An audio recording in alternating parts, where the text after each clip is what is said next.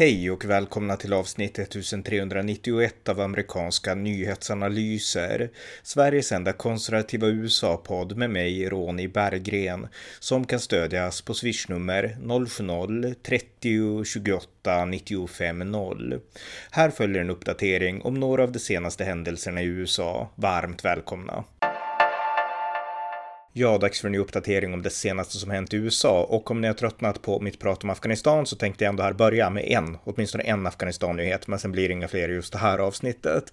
Och det är att general Scott Austin Miller, som mellan 2016 och 2018 var Joint Special Operations Command, han vittnade nu inför senaten eh, och eh, senaten utreder nu det här uttaget ur Afghanistan. Och eh, där sa han då enligt senator James Inhofe att han motsatte sig den totala tillbakadragandet tillbakadragandet från Afghanistan och att han lät meddela det till försvarsminister Lloyd Austin och till US Central Command-chef eh, Frank McKenzie. Eh, och eh, han ansåg helt enkelt att USA behövde ha kvar vissa styrkor i Afghanistan för att situationen inte skulle urarta. Så att det här är viktigt, för det här visar att eh, Biden-administrationen gjorde det här väldigt mycket på eget bevåg. Och jag har varit inne på det förut, att många av de här militärexperterna ansåg att vi måste ha en liten eh, styrka kvar för att hålla Afghanistan stabilt. Och det var det som Biden helt körde över när han lämnade Bagram-basen och allt annat. Och nu har general trätt fram och sagt att jag var emot det här och det var alltså general Scott Austin Miller. Så att eh, nu vet ni det. Eh, nästa ämne, det har också med general att göra och det är med general Mark Milley. Och eh, det som är intressant med honom då, det är att han var biträdande försvarsminister, tror jag att han var, under Trump-administrationen. Och eh, han var och blev väldigt skeptisk till Donald Trump, i synnerhet i samband med allt det här som hade med valfusk att göra och liknande. Och eh, nu har Bob Woodward, den här kände journalisten som avslöjade Watergate, han har skrivit en ny bok som heter per Peril och den kommer ut i, ja, den kommer ut snart i alla fall. Och han har skrivit den då tillsammans med Robert, Robert Costa. Och i den här boken så avslöjar Bob Woodward att general Milley berättade för Kinas eh, ja, general, jag tror han har en hög position i försvarsministeriet i Kina, Li Sucheng, eh, att eh, om USA skulle attackera Kina så skulle han berätta det på förhand för den här kinesiska generalen. Därför att han var orolig för att Donald Trump skulle bara göra något galet. Så att han var oerhört kritisk till Donald Trump och det här har kommit ut tidigare. Det, det är känt att han var det. Men att han skulle ha gått till eh, bakom ryggen utanför de här eh, befintliga strukturerna och eh, berättat för liksom sin fiende, Kinas general Li Sun-Cheng, att om USA attackerar så kommer jag liksom varna er på förhand. Det är i princip landsförräderi, om det är sant. Och eh, många har nu höjt rösten för att han bör avsättas. Och eh, det finns, eh, ja, Joe Biden står fortfarande fast vid att mm, tona ner det här och han, backar fortfarande upp general Mark Miller och president Biden. Så att vi får se. Men det här kommer definitivt att utredas och om det här är sant, då måste han ju avsättas och ja, straffas kanske och sådär. Därför att man kan inte gå utanför de här strukturerna. Det är ju inte en Eh, ja, det är inte en biträdande försvarsminister, eh, general som på sidan om kan gå till en annan motsvarighet i ett annat land, utan det måste skötas enligt de liksom, tydliga befälsstrukturerna. Och överbefälhavaren i USA är presidenten. Just nu är det Joe Biden och för några år sedan så var det Donald Trump. Och eh, Ja, så att det här, är, det här är väldigt allvarligt och med rätta ett stort diskussionsämne i USA. National Review, den här klassiskt konservativa tidningen, där skriver Andrew McCarthy att eh, det här ska verkligen utredas utan tvekan och om det här är sant så, så ska han straffas. Men Andrew McCarthy varnar också för att man bör ta Bob Woodward, måste man alltid ta med en nypa salt. Att han har en lång historia av att ha dåliga källor och att liksom spekulera och liksom sällan skriva ut var han har fått de olika citaten ifrån. Och det är helt sant. Eh, Bob Woodward, han vart ju hypad efter att han avslöjade Watergate, vilket var sant då, och han vart en hjälte i demokratiska kretsar.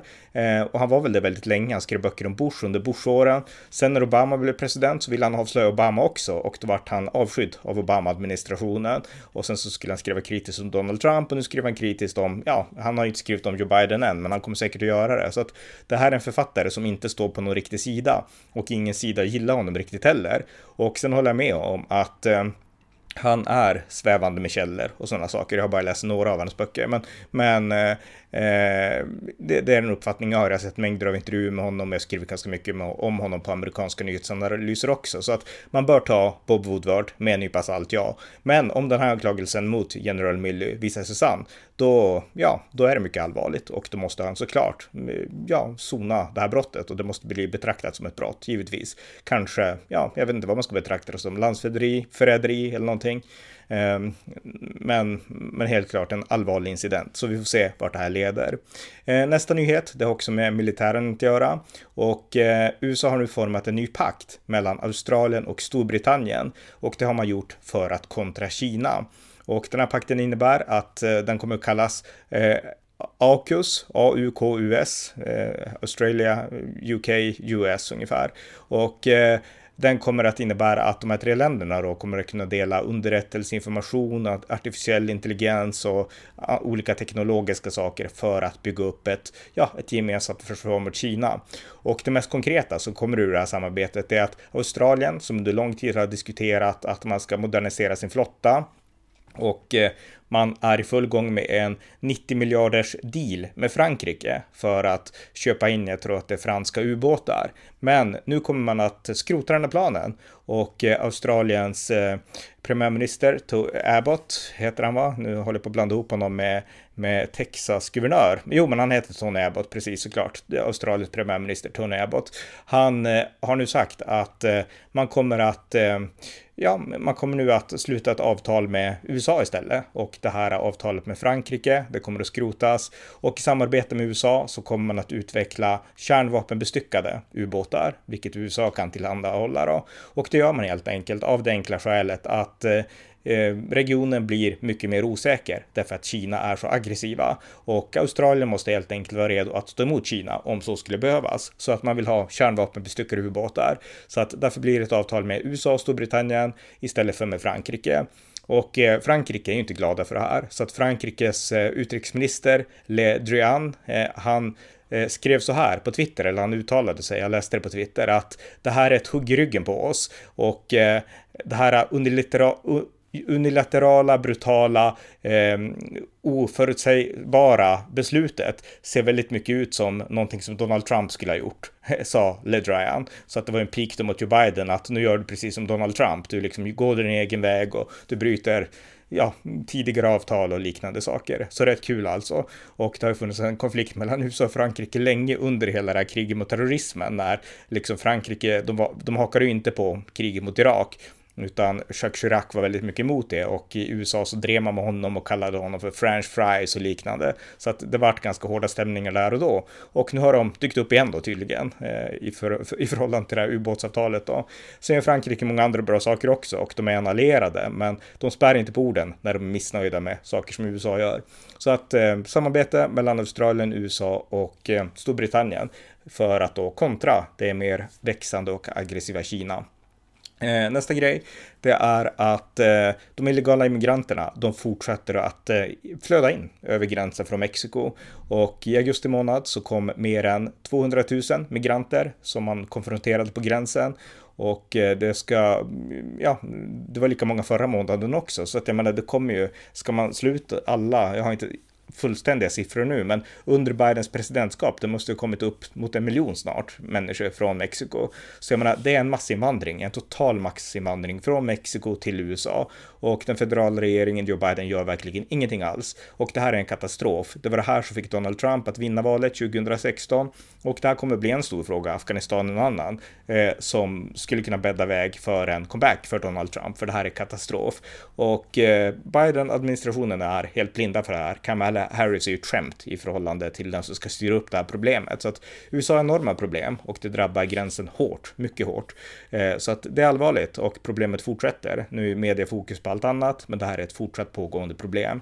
Eh, den sista nyheten jag tänkte berätta lite om, det är att Joe Biden har infört ett eh, vaccineringsmandat mot coronan och det är att företag som har 100 eller fler anställda, de måste kräva att deras personal eh, antingen vaccinerar sig eller testar sig regelbundet för covid-19. Och det här är någonting som väldigt många, i synnerhet republikaner då såklart, betraktar som ett övergrepp på den personliga integriteten. Och nu diskuteras det huruvida man ska stämma eh, ja, Biden-administrationen för det här och, eh, och så. Eh, jag tror inte att det är implementerat sen det här, men det är liksom det är ett beslut som ska implementeras och det råder stor debatt om det här då.